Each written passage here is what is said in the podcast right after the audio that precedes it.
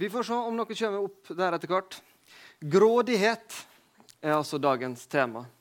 Jeg lurte på om det var noen som tørre å komme i hele tatt når de så at det var eh, dagens tema. Det går jo an å bli litt eh, bekymra for hva er det som skal tas opp da i dag.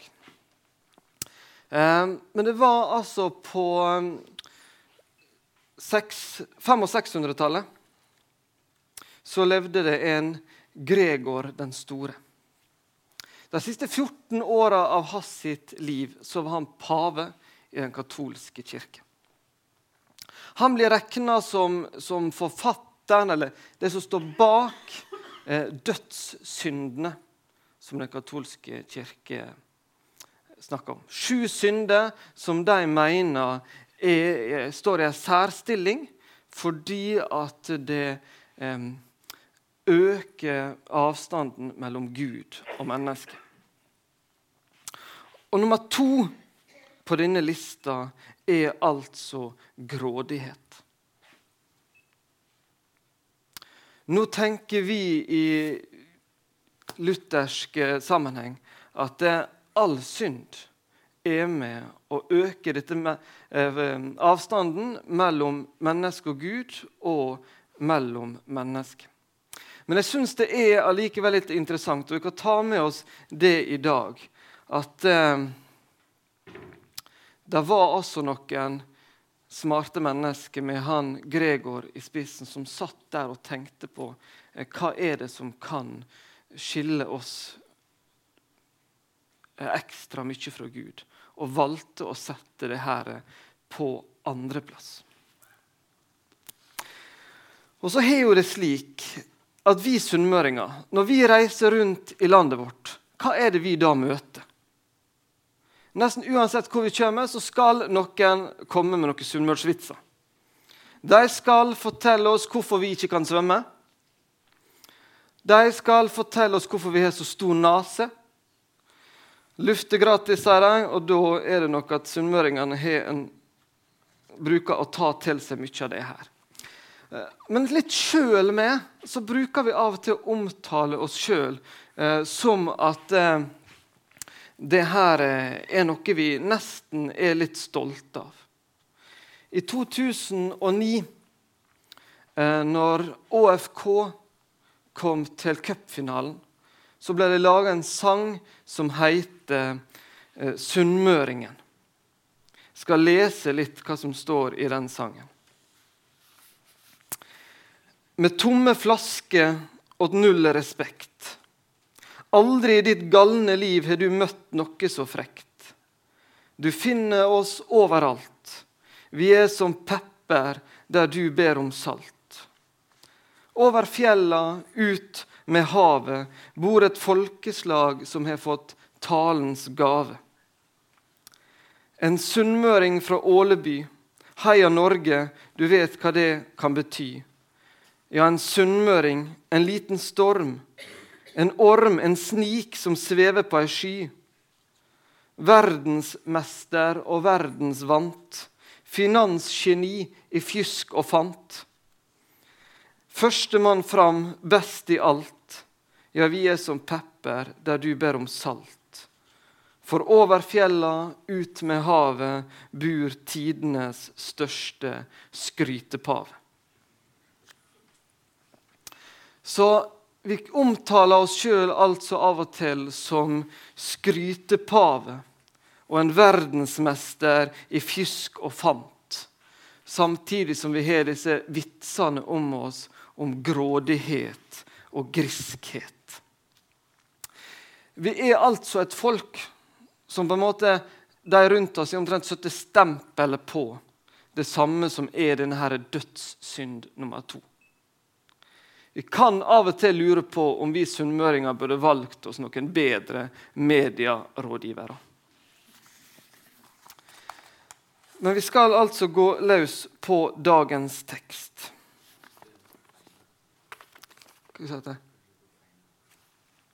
Vi skal ikke ha noe med nettverket Vi har hatt en strømstans skjønner dere, forrige uke som gjør at noe har ramla litt ut av.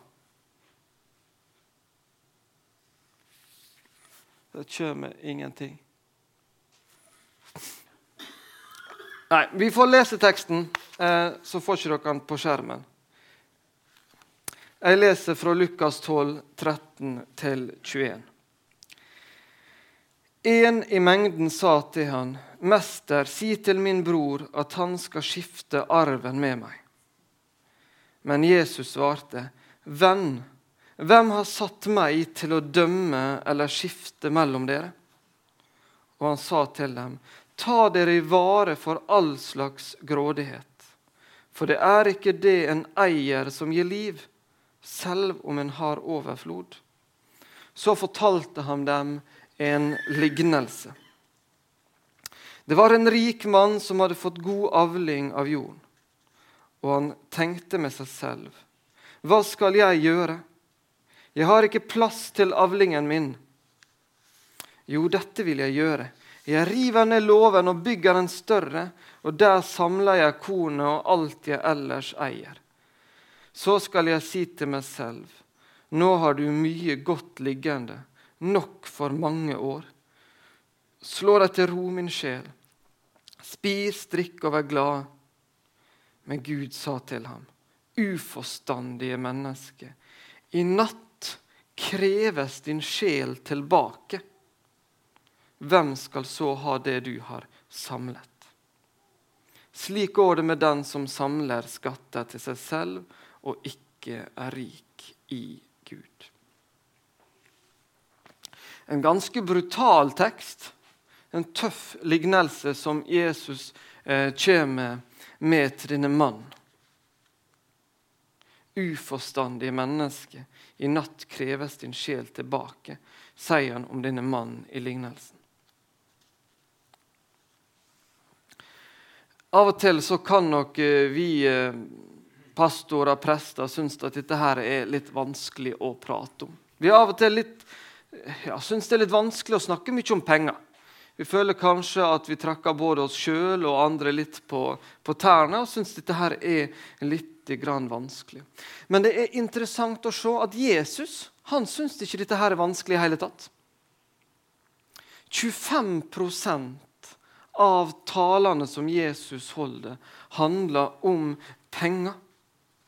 Og langt over halvparten av alle lignelsene Jesus teller, handler om vårt forhold til penger. Og Er det da fordi at Jesus eller Gud vil så gjerne ha pengene våre? Nei, det er ikke det. Gud han kunne ha klart seg uten pengene våre. han. Men Jesus han vet at penger det kan være et gode hvis det får lov til å tjene vårt, eh, våre gode formål.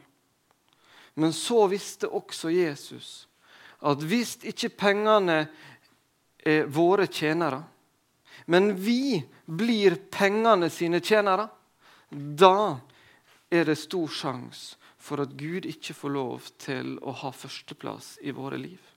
Derfor var det han var så opptatt av dette temaet. I reklameverden så vet de hva knapper de skal trykke på. De vet hvordan de skal få oss til å begynne å forbruke. Kjøpe ting. Det er jo, de, det er jo derfor de fins. De vet hvordan de skal spille på de rette strengene for å åpne lommebøkene våre. Og de vet at det er ingenting som er så lett å bruke penger på som oss sjøl. Men av og til så kan vi få litt dårlig samvittighet av det. Så reklamen prøver ofte og har ofte som mål å gi oss god samvittighet for å bruke penger på oss sjøl. Og jeg må innrømme at jeg, jeg kjenner det. Når kanskje jeg har jobba mye, eh, er sliten og trøtt, og så kommer et budskap, en reklame på TV, eh, at nå eh, må du kjøpe dette her, for det fortjener du. Det er lett for å gå rett hjem. Og på en måte når noen kan fortelle oss hva vi fortjener, da altså er det lett å hoppe på. Denne mannen i lignelsen han hadde gjort, helt sikkert lagt i en stor jobb, fått noe av god avling. hadde mye og kunne på en måte bare putte dette inn i sin nye låve, legge beina høyt, slappe av, spise, drikke. Han hadde jo på en måte fortjent det. Men Jesus sier uforstandige mennesker. Denne her rike bonden han eh, så på seg sjøl som eier av dette han hadde. Og på papiret så var han nok det. Det var nok han som eide dette her. Men er det riktig å si at han er den rette eier? Han en eier, eller hva en forvalter? Og For dere som er like gamle som meg, eller eldre, som kan huske kvitt eller dobbelt, så er liksom 48 000 kroner spørsmålet i dag hva er vi? Er vi en forvalter, eller er vi en eier? Hvordan, hvordan ser, vi oss, eh, ser vi på oss sjøl?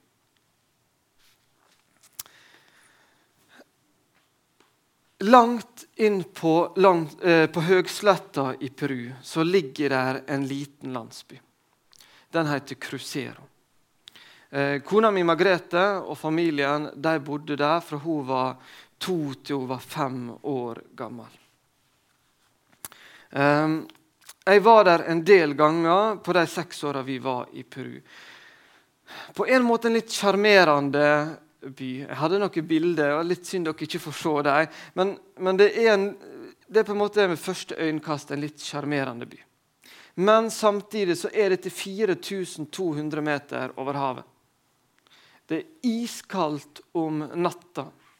Og når snøen kommer på vinteren, så er det stor sjanse for at bøndene mister mye av de dyra de har, som de veldig gjerne skulle ha hatt. Eh, det er stor barnedødelighet. Jeg har aldri i mitt liv vært på en, på en gravplass med så mye barnegraver.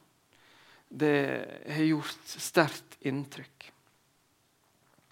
Um, når kirka der inne i Crosero samles hvert år i august til jubileum, så blir navnene på misjonærene som har bodd der inne, lest opp og ett navn. Grunnen til det er at de mener det der i Crocero, at ingen andre hadde før kommet til Crosero med evangeliet, med et oppriktig ønske at dette skulle de få ta imot. De ser på de første misjonærene til NLM som, som de som kom til Crosero med evangeliet. Det er ganske sterkt å få oppleve disse augustfestene der, der inne. Um, men menigheten i Crucero den er ganske lik en del av de unge menighetene vi også kan lese om i Bibelen vår. De har hatt sine oppturer og de har hatt sine nedturer. Uh, og de åra vi var ute, så var det kanskje et flertall i nedturer. Siste gang jeg var der inne, så var det nok sikkert bare 15 mennesker som var på, på gudstjeneste. Men så har det skjedd noe i Crucero etter at vi reiste hjem. Det var ei som heter Hostina, ei dame i denne menigheten. Hun og fire andre de brøt ut av menigheten. Eh, så begynte de å be sammen. Og Jeg snakka med noen av misjonærene der ute. De ønsket egentlig å, og fortalte at de kan ikke dere komme sammen igjen og være sammen. Men disse damene der ville være sammen og be. Så har de bedt. Så ble de flere. Og så trengte de større plass. Så de fikk leie et rom i et annet hus. Det måtte de betale leie på et helt år på forskudd. Men det klarte disse damene. Og Så gikk ikke det så lenge, så det ble flere. Og så tenkte jeg nei, vi ønsker å ha en pastor. Så gikk de til, til kirke, liksom den nasjonale kirka og sa dette. Um, Ja vel, sa de. Ja, det er flott, men, men hva med økonomien? Nei, vi er klare. Vi kan betale en pastor. Vi kan betale han ett år på forskudd, så dere ser at vi klarer dette her. Ikke har de spurt misjon om hjelp. Ikke har de spurt Den nasjonale kirka om hjelp. Og det, når han kommer han pastoren, så sier de at han må jo ha en plass å bo. han pastoren. Så vi får leie et hus til han og betale det med ett år på forskudd. Vi har stått litt igjen, vi som kjenner til arbeidet i Peru og måpt. Hva var det som skjedde her? Hos Stina og disse andre damene som lever av å selge litt grann mat på torget. De har bestemt seg for at alt de tjente, tre dager i måneden, skulle gå til kirka. De er såpass fattige der inne at de gangene jeg har vært der, så, så, er det nesten vondt, syns jeg, å sende rundt en kollektkork. Og tenke at Skal disse som er så fattige, gi noe? Jeg som har så mye, jeg burde ha gitt alt for dem. Og så ender de opp med å gi, så de kan betale både pastor og kirke og hus til pastoren. Så mange år har vi misjonærene der ute prøvd å snakke om givertjeneste, om hvordan å gi. Tenke på det. Og så har ikke vi fått til noe som ligner på det her engang. Men noen damer inne i som begynte å be. Så var ikke greia at de var så opptatt av givertjeneste heller. Men de fikk lov til å gi hele seg til Gud så fikk de et korsets merke over kalenderen sin, over livet sitt og over lommeboka si. De fikk møte Gud, fikk gi sitt liv til Gud. Og så fikk de takknemlighet som ga dem giverglede.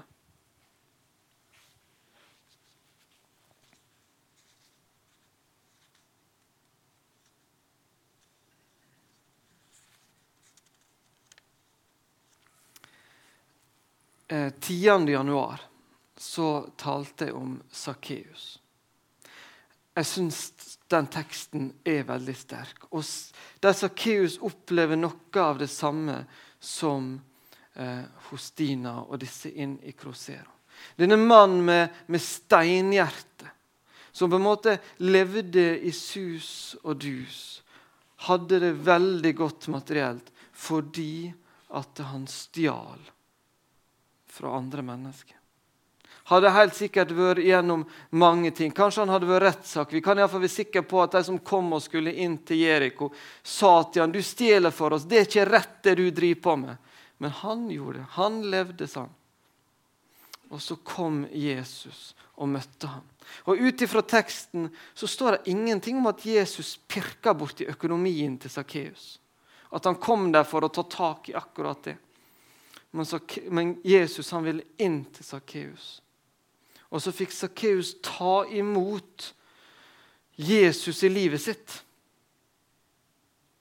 Og så fikk han med oppleve takknemlighet, som skapte en giverglede som gjorde at han ville gi halvparten tilbake.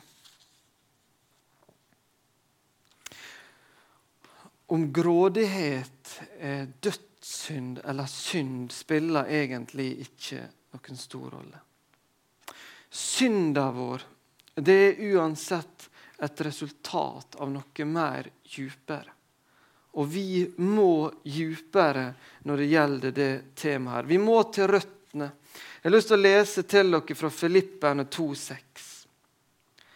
Han var i Guds skikkelse og så det ikke som et rov å være Gud lik men ga avkall på sitt eget, tok på seg tjenerskikkelse og ble menneskelik.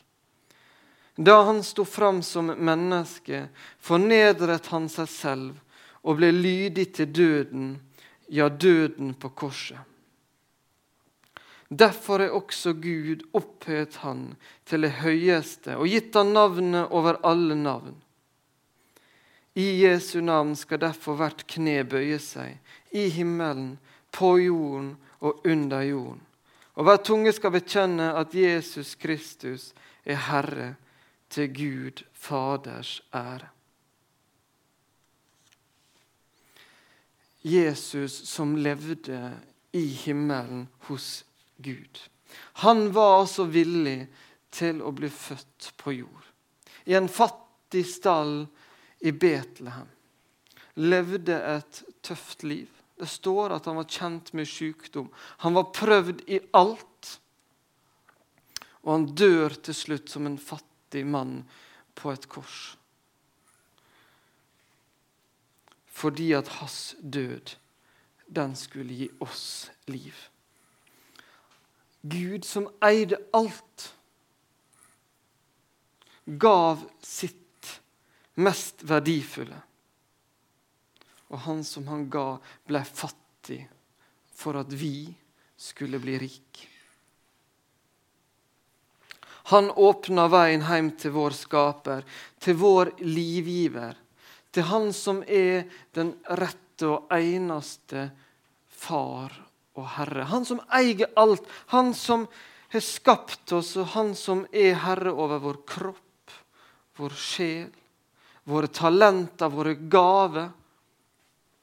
Alt vi er og har, er det han som er herre over. Så skal ikke vi betale noe for å være hans barn. Det er hans drøm at vi skal ta imot det av bare nåde. Hvis ikke vi tar imot det av nåde, så blir det problematisk. Og Vi kan ikke gjenta det for mye, at å være et Guds barn, det er helt og fullt gratis. Så vil han at vi frivillig skal si at ja, dette tror vi på, dette vil vi være med på. Og Dette ordet 'frivillig' det er et flott ord. Vi er fri til å gjøre det her. Og så er vi villige til å forplikte oss. Det å forplikte seg, det er å holde friheten ved like. Vi har av og til lett for å tro at hvis vi forplikter oss, så mister vi friheten. Men det er hvis vi ikke forplikter oss til noe, at vi blir bare dratt med og mister friheten vår. Det å være et frivillig barn av Gud, det å si at ja, jeg vil forplikte meg til det som er viktigst for meg. Til det som betyr noe for meg. Til det jeg vil være med på. Et eksempel Kanskje en del av dere har hørt om han Rick Warren. Pastor i en stor menighet i California, USA. Han har skrevet bøkene eh, 'Målretta kirke' og 'Målretta liv'. Disse bøkene er solgt over hele verden i et kjempeantall. Og Rick Warren ble ganske sånn over natta en veldig rik mann. Når han så at dette skjedde, så sa han hm, dette her er ikke riktig. Alt jeg har tjent i Saddleback Church, der han har jobba i disse var det 16-17 år, ga han tilbake. Og Så snudde han litt opp ned og så sa han, jeg skal ikke gi 10% jeg skal gi 90% av det jeg tjener. Og så han, vør, han ble stilt spørsmål på CNN om hva som gjør at du tror at Gud har gitt deg gavene til å skrive disse bøkene som er blitt ja, solgt så mye. Og så sier han det. Jeg tror det, eller jeg veit, sier han, at Gud kunne gi meg dette. Fordi at før dette skjedde, så hadde jeg sagt at uansett om noe sånt skulle skje, så skal ikke det gjøre at jeg og kona mi får et annerledes liv. Vi skal leve akkurat som før, og de pengene som kommer, de skal brukes på andre så de får brukt på kirka, de får brukt på diverse fond som han har satt i gang. Vi har av og til lett for å tro at dette må gi oss. Det er noe som, som starter den dagen vi får nok penger til å gi. Det er ikke der det starter. Det starta lenge før. Det starta i en forpliktelse om at vi ønsker å ha et liv der Gud er herre i livet vårt. Der Han er den som får lov til å bestemme over kalenderen vår, over talentene våre, over lommeboka vår. Matteus 6, 19. Dere skal ikke samle skatter på jorden hvor møll og mark ødelegger, hvor tyver bryter inn og stjeler. Men dere skal, skal samle skatter i himmelen, der verken møll eller mark ødelegger, og tyver ikke bryter inn og stjeler. For der skatten din er, vil også hjertet ditt være. Det var en dag en som heter Knut. Han fikk eh, to kroner med mora si. Dette her var lenge siden. Det er så lenge siden at eh, sånn krone den kunne du kjøpe en kroneis for. Eh, han fikk to kroner av mora si på vei til søndagsskolen. Så skulle han gi ei krone i kollekt på søndagsskolen. Og så skulle han få lov til å kjøpe seg en is på vei hjem igjen. Se for deg denne lille gutten på vei til søndagsskolen med kronestykket opp i lufta. Knipsa i gang, bortover veien der, opp igjen og knipsa mange ganger. Og så skjer det som vi kanskje tenker måtte skje. Han mista krona. Den trilla bort og utfor kanten og ned i en sluk. Og krona var vekke. Knut skjønner det her. Så ser han litt sånn sørgmodig opp mot himmelen og så sier det var synd, det, Gud, for det var krona di.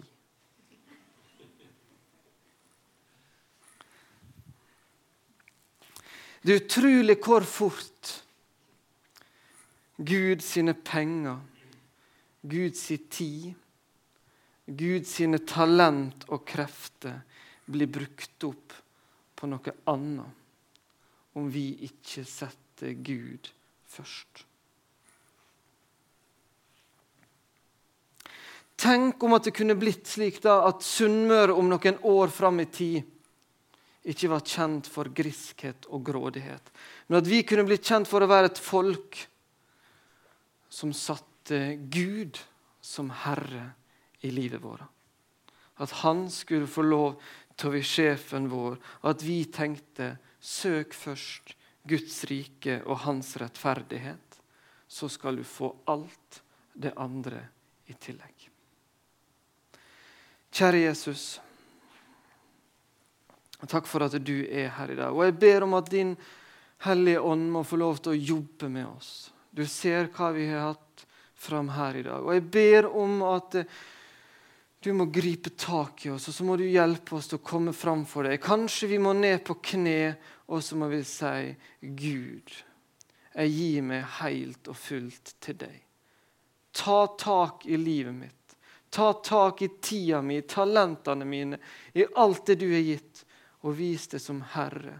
Og la meg bli en god forvalter over alt det gode jeg har fått. Amen.